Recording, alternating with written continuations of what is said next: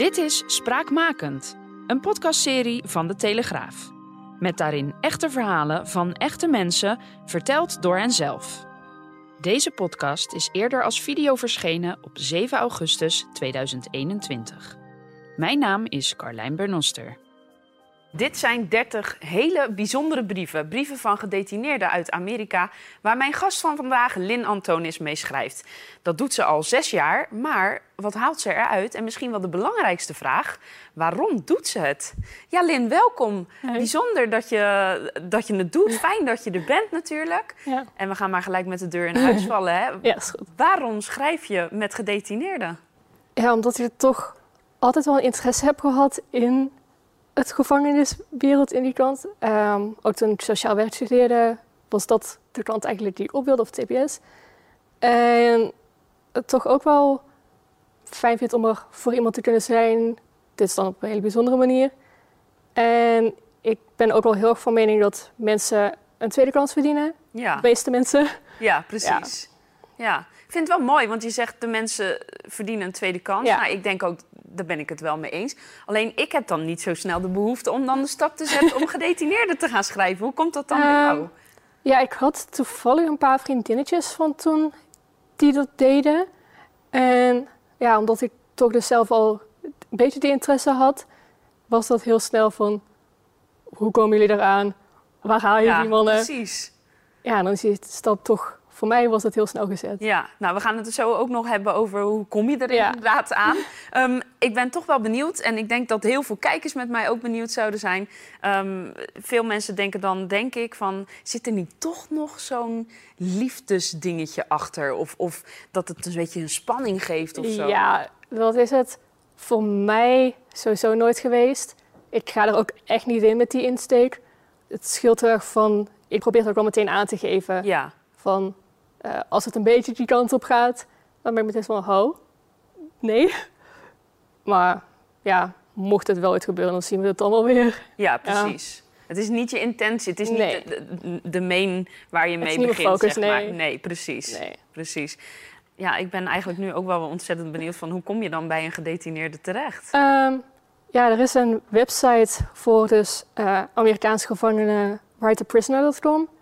En daar staan iedereen die in het Amerikaanse gevangenissysteem die wilt schrijven of wilt mailen, want dat is ook een optie. Ja, iedereen daar die heeft een stukje over zichzelf, wat foto's erbij. Ze hebben zelfs echt de informatie als sterrenbeeld en alles staat erbij waar je eigenlijk op iemand op uit kunt kiezen. Ja, leeftijd, geloof Ja. waarschijnlijk. eh, Ja. ja. En waar ze ook op uit zijn dus? Dus of liefde of... Of, Ehm, of is ja, dat er staat eh, dat niet per se, maar ook wel of dat ze ehm, interesse hebben volgens mij om verder, als ze hulp willen van buitenaf, Ja. zeg maar, met bepaalde dingen, dat staat er wel op. Ja, Van, ja, sommigen hebben echt geld nodig of zo, of sommigen willen, eh, hebben hulp nodig bij een baan daarna of zo. Dat volgens mij staat er ook wel op. Eh, en er staat ook op waar ze voor zitten, in grote lijnen. Eh, ja, niet, niet super specifiek, maar dat vind ik zelf wel fijn ook om... precies. Dat Ja. kan ik me voorstellen, want je wilt toch wel weten met wie je te maken hebt wat dat betreft. toch? Ja, ja, het is ook wel iets waar ik zelf naar kijk. Ehm, omdat ik heb gewoon geen, op een moment geen interesse om met iemand te schrijven die vrouwen of kinderen, is mijn grens heel erg. Ja, Ehm, iets ge- aangedaan. Die ja, iets of aan- iets, ja. iets tegen vrouw of kinderen heeft gedaan. En op een moment wil ik ook nog niet met iemand schrijven die levenslang zit of eh, op de, de doodstraf heeft.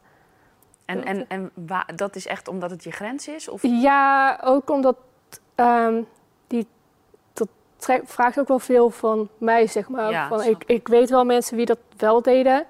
En dat is mentaal gewoon ook echt voor jou heel erg van... Nou, ja, je weet dat die over zoveel tijd Ja, doodgaat. ja, ja, Ja. exact. Ja, Het is best wel zwaar. En, ja, dan, en dan zitten ze ook meestal wel voor iets heftigers. Dus precies. dat is ook weer die grens. Ja, en, en heel praktisch, ga je dan eh, in een zoekbalk eh, intypen van eh, 18 tot 25 jaar? Ehm, Ja, ja, ik heb ook wel inderdaad mijn leeftijdsgrens van... In principe staan ze daarop van 18 tot 99 zo. En ja, ik zet hem meestal tot net onder de 30 ondertussen. Ja, Ehm, dan ga je een beetje scrollen en kijken als er eentje interessant ja, me aanspreekt of zo. ja, dus ook foto's, daar kijk je dan ook nog wel naar. Ja, Ja. ja. je moet er wel een goed gevoel bij ja hebben. precies. Dus, uh, en let je dan op de blik in de ogen of zo? Ja, oh, ja, ik heb het toch wel vaak dat ik bij een foto meteen een gevoel heb van uh, ja of nee. Ja, en, en, en dan heb jij degene uitgezocht ja. waar jij mee wil schrijven. Maar kunnen ze dan bijvoorbeeld ook nog weigeren? Of, of hoe gaat um, dat?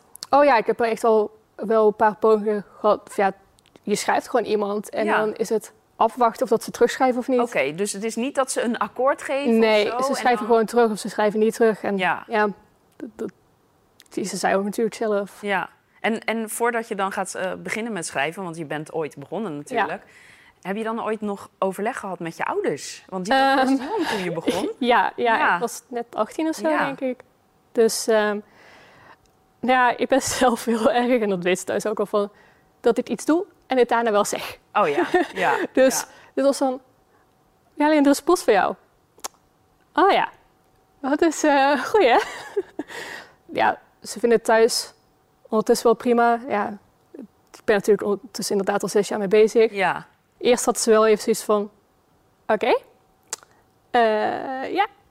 Best, heel... best spannend misschien een beetje. Ja, ja, want ze hebben toch ook wel je adres. En ja, precies. Dat, dat was voor mijn ouders wel van, dat ze blij waren dat het in Amerika was. Dus er zit nog een grote zee tussen, wat het gewoon moeilijker maakt. Ja. Dat ze waren van, oké, gelukkig zit hij, is hij niet in de buurt. Ja. Dat dat voor een soort van het makkelijker maakt in elk geval. Hebben zij, of in ieder geval jij, nooit angst gehad of zo? Mm, nee, eigenlijk niet. Want omdat je het uitkiest en omdat je weet. Ja, ja, en, ja ik heb zo'n band opgebouwd met die jongens dat met eentje in elk geval weet ik zeker dat ik het erover heb gehad. Dat is zoals van, ja, mijn ouders vinden het toch inderdaad wel een beetje spannend. Ja. Maar dat, ja, ik vertrouw in gewoon. En mijn ouders weten ook dat zij dat ze dan niet kunnen doen. Dus die zeiden van, ja, Lin vertrouwt het, dan moeten wij dan ja, mag achter staan. Ja. ja, ja. Nou ja, je hebt dus de hele stapel eh, meegenomen. Uh, het is echt ja, heel bijzonder. Ja. Um, misschien een beetje een gekke vraag, maar wat is voor jou de meest dierbare brief die hier tussen zit? Um, ja, ik heb er een paar in zitten waar een van de jongens uh, een paar gedichten heeft geschreven. En dat vond ik wel heel mooi dat hij dat zoiets deelde ook. Dus die zijn wel belangrijk. Ja, verder heb ik niet speciaal echt eentje die er heel erg uitspringt of zo. Nee, nee. nee. En, en je hebt dus met twee mannen bijna twee jaar uh, geschreven. Ja, ja wat, wat voor gevoel komt, daar, komt daarbij kijken? Want ik kan me voorstellen dat het voor hun heel fijn is. Maar dat, ja. jij, dat jij er ook wel dingen uithaalt. Ja, ik heb dat zeker van... Uh, toen ik met hun schreef, zat ik mentaal gewoon niet top. En dat was zo fijn dat je iemand hebt die ik eigenlijk... Ik vertelde hun bijna alles, want ja, schrijven was makkelijker dan praten op dat moment voor mij. Ik. En op een of andere manier ging dat makkelijker dan met mensen die fysiek dichterbij waren. Dus ik heb er zelf ook wel echt heel veel aan gehad wat dat betreft. Ja, en van die twee mannen ook eh, puur vriendschappelijk dus gebleven. Ja. Ja. Gelukkig. Want je hebt namelijk wel iets heel bijzonders, want je hebt een tatoeage. Ja, in een van de jongens van een handschrift heb ik een tatoeage laten zetten, ja. Want, want dat is wel... Ja, kun je er iets over vertellen? Um, dat was een tatoeage die ik het woord wist ik toen al, um, omdat dat op een andere manier wat voor mij betekent. En toen zat ik nog heel, heb ik heel lang gezeten van ja, welk lettertype, welk font. En toen was het best van, dat is een idee. Ja. En toen was het eigenlijk, ben ik zijn brieven door gaan zoeken toen of dat hij het ooit had geschreven. Dat heeft hij twee keer geschreven en toen heb ik daar eentje van uitgekozen. Waar ik... Weet je toevallig welke het is? Um, ik weet dat het een. Ja, ik kan wel snel kijken welke dat het is. Want het is allemaal handgeschreven, hè? Ja, want dat is misschien ook nog wel even ja, best wel eh. bijzonder om, om te laten zien. Want... Het is inderdaad allemaal handgeschreven. Ik weet dat het een van de gele is. Een van de gele? Ja, er zijn twee gele brieven bij.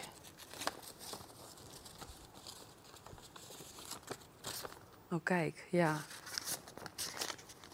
met de hand geschreven. Uh, ik, je zegt nu, dit is geel papier. Er is ook wit papier. Ja. Er zijn dus best wel regels ook, uh, of niet? Ja, en dat scheelt echt wel per um, gevangenis. Ja. De ene gevangenis heeft strengere regels dat je alleen maar zwart of blauw mag schrijven. Um, ja, ook aan wat je er wel of niet bij mag doen, want we sturen ook uh, foto's naar elkaar. Van, oh, oké. Okay. Um, ja, ik krijg ook wel foto's van hun en dat zij, oh, ja, zij weten natuurlijk helemaal niet met wie dat er Nee. aan de andere kant zit. Dus dat vind ik ook wel fijn om ja, op een gegeven moment aan hun te laten doen. Nooit op de eerste brief, maar daarna wel vaak. Van, Ja. Dat ik het dan ook wel meestuur. Ja. En ehm, dat vinden zij ook wel fijn dat zij een beetje... Die is het. Oh ja, de yes. Ja. Oh ja, wat cool. Ja, dat zij weten tegen wie dat zij Ja, praten ook. precies, snap ik. En er een ja. beeld bij hebben. ja. Heb je nog contact met, eh, met een van beide mannen? Ehm, ja, een van hen die heeft na de gevangenis heel erg... Hij wilde dat heel erg vergeten. Van, hij wilde daarna echt zijn leven helemaal omgooien. Hij heeft ook heel veel... Dat zei hij ieder geval, dat hij heel veel tatoeages ging laten verwijderen... die hij in zijn gevangenis heeft laten zetten. Mhm. Ja, ik was natuurlijk deel van dat gevangenisleven. ja. Dus we hebben wel... we zijn wel op Facebook bevriend. En we hebben daarna wel een paar keer gevideobeld. En zo is af en toe contact gehad. Maar dat is nooit heel veel gebleven, zeg maar. En met die ander, ja, wiens handschrift ik dus heb laten zetten, die spreekt er eigenlijk heel veel. Als hij niet in de gevangenis zit. Ja. Ja. die, daar is het veel moeilijker na de gevangenis. Ja. ja, want Ehm, hier heb je de reclassering ja. de begeleiding. En dat is daar dat is, veel dat is daar veel, zoveel minder. Maar dus hij, ja, helemaal, als je zijn leven daarvoor kijkt, daar hebben we het natuurlijk ook wel veel over gehad, is het moeilijk om uit de gevangenis te blijven voor sommige mensen. Dus ik spreek hem wel als hij vrij is, gewoon heel veel. Ja. En op video bellen we ook regelmatig. En eh, ja, is eigenlijk altijd heel makkelijk met hem. Ja, ja. Nou, en eh, het zijn dus Amerikaanse mannen, Ja. daar hadden we het al even over. Waarom zou je niet bijvoorbeeld eh, een, een Nederlandse gedetineerde, eh, ik, ik, ik noem een, een, een, een Taghi of een Mohammed B. of Holleder, of waarom, waarom puur Amerikaanse Ja. mannen? Sowieso heb ik iets met Engels.